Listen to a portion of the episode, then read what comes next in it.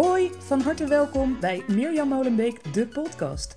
Wil jij van jouw liefde voor handwerk een succesvol bedrijf maken, maar heb je beperkende overtuigingen?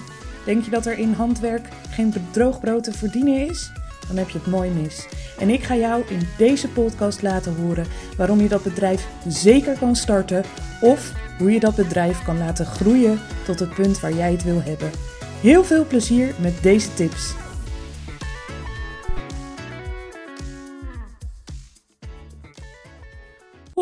Van harte welkom. Superleuk dat je weer luistert naar een nieuwe aflevering van Mirjam Molenbeek, de podcast. Uh, dank ook weer voor alle leuke reacties op de vorige aflevering. Fijn dat jullie ook je reviews achterlaten. Dat helpt mij echt om deze podcast te laten groeien. En uh, ja, als je dat soort reviews achterlaat of bijvoorbeeld een keer op Instagram wil delen uh, dat je iets hebt aan deze podcast, dan maakt dat dat ik eh, goed gevonden word en dat ik deze afleveringen ook uh, voor je beschikbaar kan houden.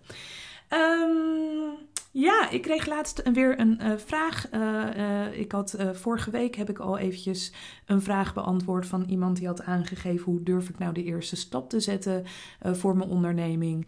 Um, en ik kreeg nog meer vragen naar aanleiding van mijn oproep een, een, paar weken geleden alweer op Instagram. En die vraag heb ik genoteerd en vandaag ga ik er nog eentje beantwoorden, omdat dat ook een vraag is die ik regelmatig terugkrijg. Deze vraag was namelijk: uh, ja, ik, kan, uh, ik ben heel goed in het uh, anderen helpen en anderen motiveren. Um, maar ik vind dat bij mezelf een stuk lastiger. Hoe doe ik dat? En dat gaat natuurlijk over het ondernemen. Uh, daar ga ik hem op toespitsen, want ja, in het algemeen is het natuurlijk hè, hoe, hoe motiveer je jezelf om bepaalde dingen te doen. Uh, en dat is uh, soms makkelijker bij een ander dan voor jezelf. Maar ik, um, ja, ik, ik ga hem even specifiek voor een ondernemer beantwoorden. Want. Um, ja, dit is denk ik echt iets waar wij als mens heel erg goed zijn. We weten het voor een ander heel erg goed. we weten het exacter vertellen, maar dan moeten we het voor onszelf doen. En hoe gaat het dan? Nou, ik zal je uh, in elk geval vast zeggen dat jij dus niet de enige bent. Je bent hier absoluut niet uniek in. Uh, dit is gewoon echt een menselijk ding. En heel veel, zeker uh, mensen ook uh, binnen de handwerkwereld, ja, je bent toch ook wat meer het type, um, hè, je, je helpt misschien ook graag andere mensen. Dat zit ook een beetje in je. Uh, heel veel mensen binnen de handwerkwereld zijn vrouw. Als vrouw hebben we ook hele lange tijd geleerd dat we vooral voor anderen moeten zorgen en pas op het laatste moment voor onszelf. Um, dus dat is echt wel iets wat erin gebakken zit. Ook ik heb nog regelmatig dat ik een coachingsgesprek met iemand heb en uh, dat ik diegene de aller beste tips weet te geven. En dat ik daarna uh, het gesprek afrond en bij mezelf denk: ja, ja, die zou ik voor mezelf nou ook wel eens uh, hebben kunnen toepassen.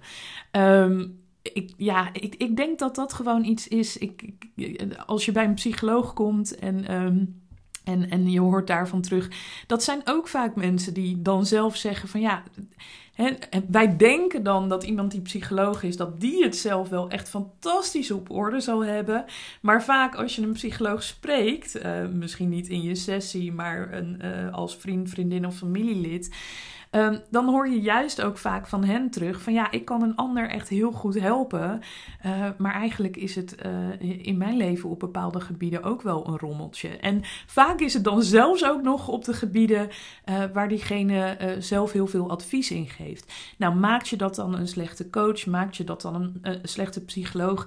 Ik denk helemaal niet. Ik denk juist dat het. Um, uh, op een moment dat het iets is dat in jouw leven heel erg speelt, dat je daar een ander heel goed over kan adviseren, omdat je daar zelf al zoveel mee te maken hebt gehad. En omdat je dus ook echt wel weet hoe je het aan zou willen uh, of moeten pakken. Um, maar ja, voor jezelf dat toepassen is toch vaak lastiger. Nou, daar zit ook gelijk een deel van mijn antwoord in. Uh, we zijn er dan ook heel vaak toe geneigd om te denken dat wij de ander moeten helpen. En dat we zelf nooit om hulp mogen vragen.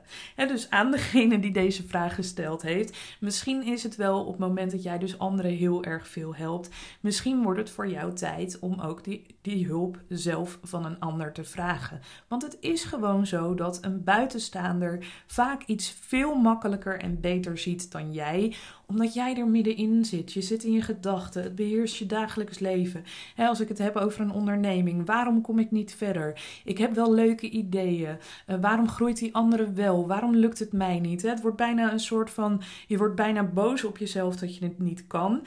Maar het is precies wat je zegt. Als jij bij een ander kijkt dan kun je die ander heel goed helpen, want jij staat er buiten. En dus dat is iets, daarom zijn er coaches, daarom zijn er leraren, daarom zijn er psychologen. Uh, dat is er om ook jou te helpen. En um, ja, ik denk dat dat ook iets is. Hè. Ik weet nog wel dat uh, vroeger, um, uh, als ik ook keek naar mijn ouders, maar vooral de generatie daarvoor, nou laten we zeggen voor de periode van de ontzuiling, um, dan, was het, dan was het eigenlijk ook zo dat hulp redelijk standaard was. Dus op het moment dat wij als vrouw nog niet mochten werken, uh, waren alle vrouwen in de staat thuis. En zat hem de hulp ook vaak in het uh, praten met de buurvrouw en met de andere buurvrouw. En als die buurvrouw het niet wist, dan kon de overbuurvrouw wel helpen. Um, was je lid van een kerkgemeenschap, dan kreeg je daar vaak ook hulp. Ik weet nog wel, uh, van huis uit ben ik katholiek opgevoed. bij ons kwam vroeger, toen we klein waren, de pastoor, want die kwam dat nog een beetje begeleiden. Hè? Mijn jonge ouders, waar heb je de hulp in de opvoeding nodig? Dus, dus, dus we, we leven nu in een tijd dat die, die hulp er niet meer automatisch is. Hè? De, straat zit niet meer vol met allemaal uh, thuis uh, uh, werkende vrouwen. Hè? Want, want, want thuis zijn en het huishouden doen en voor je kinderen zorgen is ook gewoon een fulltime baan. Um, maar dat is niet meer voor iedereen vanzelfsprekend dat je die hulp zo makkelijk om je heen beschikbaar hebt, vaak zonder dat je het doorhebt. Dus we leven nu in een tijd waarin wij dus als vrouw moeten leren, mogen leren. En mannen trouwens net zo goed, uh, maar die hebben een andere achtergrond. Dus ik, ik, praat even over als vrouw. Als vrouw hebben wij uh, minder lang dat we niet automatisch dus meer die hulp voor handen hebben. En dat betekent dus dat we mogen leren om daarom te vragen. Die hulp is er, er zijn coaches, er zijn psychologen. Dus hè, er is altijd wel een manier. Ik heb bijvoorbeeld nu een danscoach, omdat ik het heel erg vind om uh, meer in mijn lijf te komen. Dus er zijn allerlei manieren om om hulp te vragen. Om ervoor te zorgen dat jij bijvoorbeeld binnen je onderneming weer bepaalde stappen kan zetten. Dus dat is de ene kant. als, als ik zo'n vraag krijg, dan denk ik, ja, er kunnen altijd meerdere dingen aan de hand zijn. Maar ik denk dat dit een hele belangrijke is. Uh, we kunnen heel makkelijk hulp geven, maar die hulp ook vragen, dat vinden we echt heel erg veel lastiger. Daarnaast kan het ook zijn dat je jezelf niet kan motiveren omdat je dingen aan het doen bent uh, die misschien helemaal niet bij je passen of die je helemaal niet leuk vindt. Kijk maar even terug naar je schooltijd. Dan waren er ook altijd, als ik het even heb over de middelbare school, er waren altijd vakken die als vanzelf gingen. Uh, bij mij was dat Nederlands en geschiedenis. Nou, daar hoefde ik niet eens moeite voor te doen. Dat vond ik zo ontzettend leuk. Daar hoefde ik amper meer voor te leren, want ik zat in de les zo goed op te letten. Dat ging allemaal vanzelf. En je hebt dan ook vakken die moeten, hè? zoals in mijn geval wiskunde. Nou ja, dat moet. En, en aardrijkskunde, dat moet. Maar dat vond ik eigenlijk helemaal niet leuk. Dus dat waren dan altijd de vakken waar je uh, veel meer aan moest trekken. Waar je veel meer jezelf moest motiveren om dat af te krijgen. Nou, dat is heel erg iets wat we onszelf, uh, wat, wat we door ons schoolsysteem geleerd hebben. Hè, dat we uh, al die dingen moeten doen. Nou, wat je daarvan vindt, dat, dat, dat terzijde. Maar ik denk dat het goed is dat je je soms moet leren motiveren om ook dingen die je niet zo leuk vindt, toch te leren om een bepaalde basis te hebben. Maar op het moment dat jij je eigen onderneming start en volwassen bent en die basis gewoon allemaal achter de rug hebt mag je van je onderneming je allerleukste feestje maken. Luister alsjeblieft die aflevering ook nog een keer terug als je die of lang geleden of nog niet geluisterd hebt, want daar zit het hem ook in. Op het moment dat ik niet opsta met het idee: yes, ik ga vandaag dit doen of ik ga dat doen, maar ik sta op met het gevoel: oh ja, ik heb vandaag dit en dit te doen. Dat is direct het moment. En heel af en toe zijn het echt gewoon dingen die moeten. Ik heb bijvoorbeeld: ik, ik, ik, ik heb niks met administratie of. Ehm, uh, BTW invullen en zo, dat heb ik allemaal uitbesteed. Dat doet mijn accountant, die heeft daar ontzettend veel plezier in. Gelukkig zijn er mensen die zich daarvoor wel kunnen motiveren, die dat heel erg leuk vinden en vanuit nature doen. Uh, maar het zal toch echt moeten dat ik op een gegeven moment wel al mijn facturen en zo instuur. Nou, ook daarin, uh, ik heb met hem gezocht, we hebben een heel fijn boekhoudprogramma. Het enige dat ik hoef te doen als ik facturen verstuur of binnenkrijg is ze doormailen.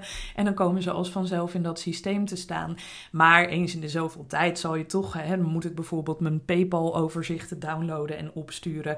Dat is echt niet zo heel veel meer werk. Um, dus, dus dat heb ik eigenlijk zo klein voor mezelf gemaakt dat nee, ik het nog steeds niet leuk vind. Maar ik kan echt wel de motivatie vinden om dat op te sturen. Omdat ik dan weet dat dat goed gaat met de BTW-aangifte en alles op tijd. En dat hij er lekker mee aan de slag kan. Dus hè, als het goed is, als je je onderneming zodanig inricht dat je hem helemaal gaat doen zoals dat voor jou goed voelt, dan hoef je jezelf ook niet heel erg meer te motiveren. Want dan zijn het allemaal dingen die je gewoon heel erg graag wil gaan doen. dus op het moment dat jij de vraag hebt gesteld vanuit een, ik, ik, uh, ik help anderen altijd, maar ik weet niet hoe ik mezelf moet motiveren. En jouw ding is um, uh, dat je misschien nooit om hulp vraagt, ga dan de juiste hulp zoeken. Misschien wil je een coachingsgesprek met mij aanvragen. Misschien zit het hem in een hele andere hoek. Maar ga de hulp zoeken die je nodig hebt. Ga daarom vragen. Uh, daar zul je wellicht voor moeten betalen. Maar dat, dat maakt wel dat jij jezelf ook serieus neemt. Um, maar zit het hem in het feit dat je dingen voor je bedrijf moet doen die als moeten of als vervelend of als bleh voelen? Dan ben je waarschijnlijk iets aan het doen in je onderneming waarvan je denkt dat je dat zo moet doen, uh, maar waarvoor je eens een keer heel erg goed moet gaan zitten en mag gaan kijken van ja, um, ik vind dit helemaal niet leuk, dit soort dingen moeten wel gebeuren. Kun ik zo, kan ik ze op een andere manier doen? Kan ik ze door iemand anders die daar veel plezier in heeft laten doen enzovoort? Ook hierin, als je daar zelf niet uitkomt, ook hierin kan hulp vragen en een stukje coaching natuurlijk ontzettend veel hulp bieden om dat voor jezelf helder te krijgen. Goed, ik hoop uh, uh, voor degene die deze vraag stelde, maar ook voor jou als luisteraar, dat je hier wat aan hebt. Uh, ik denk dat het voor velen van ons herkenbaar is. Ook elke keer weer een uitdaging blijft. Ook voor mij. Um, maar ik moet zeggen dat ik na een aantal jaar ondernemen steeds beter word in als ik voel of merk dat er iets moet gebeuren, maar ik heb er geen zin in, dat ik het of loslaat of versimpel, of kijk hoe ik de juiste hulp kan vinden. En heel vaak is het met de juiste hulp vinden. Ja, maar dat kost geld. Ja, maar dat geld heb ik niet. Ja, maar echt serieus er zijn weinig dingen die meer geld kosten dan dat ze jouw energie kosten. Dus ik heb bijvoorbeeld, ik geef liever ergens een paar honderd euro of als het nodig is een paar duizend euro aan uit. En nou ja, ik ben ook ervan overtuigd dat als je dat nodig hebt, dat je op de een of andere manier dat geld ook altijd wel bij elkaar weet te verdienen. Um, ik heb liever dat, dat ik ergens geld aan betaal, zodat ik weet dat een ander dat met veel plezier uh, en passie doet. En dat ik daardoor energie overhoud om die dingen in mijn bedrijf te doen waar ik blij van word, waardoor mijn bedrijf ook gewoon veel sneller groeit. Dus. Ik hoop dat je hier wat aan had. Uh, vergeet niet even, als je dat nog niet gedaan hebt, om een review achter te laten voor de podcast. Ik zou het super leuk vinden als je of via Instagram dat je even een berichtje deelt dat je mij aan het luisteren bent en tag dan even en dan ben ik heel erg benieuwd wat je eruit hebt gehaald. Je mag me ook altijd een mailtje sturen of een privéberichtje, want uh, ik vind dat in de coaching merk ik echt heel prettig en, en, en dat geldt denk ik voor heel veel ondernemers. Soms voelt ondernemen ook heel alleen uh, en dan wil ik dat je weet dat er altijd iemand is waar je even een mailtje naar kan sturen, waar je heel even uh, mee van gedachten kan veranderen. Je hoeft nooit bang te zijn van ja, maar die Mirjam die heeft het te druk, die ga ik nu niet mailen. Uh, want hier gaat het ook over hulpvragen. En um, nou ja, als ik het te druk heb of ik kan een bepaalde vraag niet beantwoorden, dan zeg ik dat wel tegen je. Maar je mag altijd mailen. Dankjewel en heel graag weer tot de volgende aflevering. Doei!